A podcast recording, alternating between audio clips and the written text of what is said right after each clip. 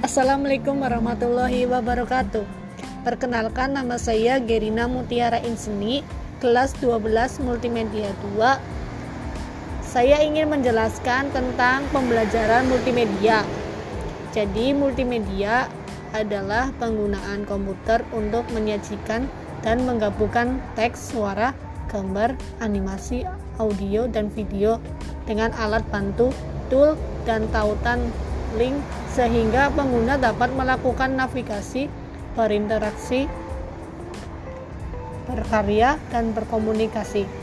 Multimedia sering digunakan dalam dunia informatika. Selain dari dunia informatika, multimedia juga diadopsi oleh dunia game dan juga pembuatan situs web.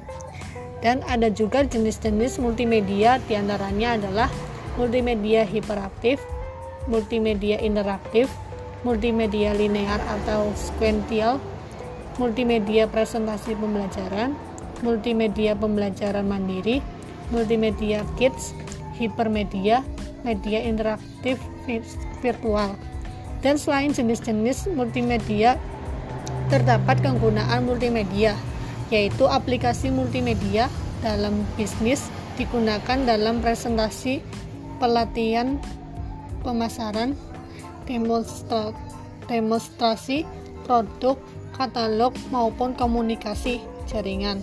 Dalam presentasi misalnya multimedia bisa membuat pendengar menjadi lebih semangat banyak presentasi yang menggabungkan pemakaian suara dan video.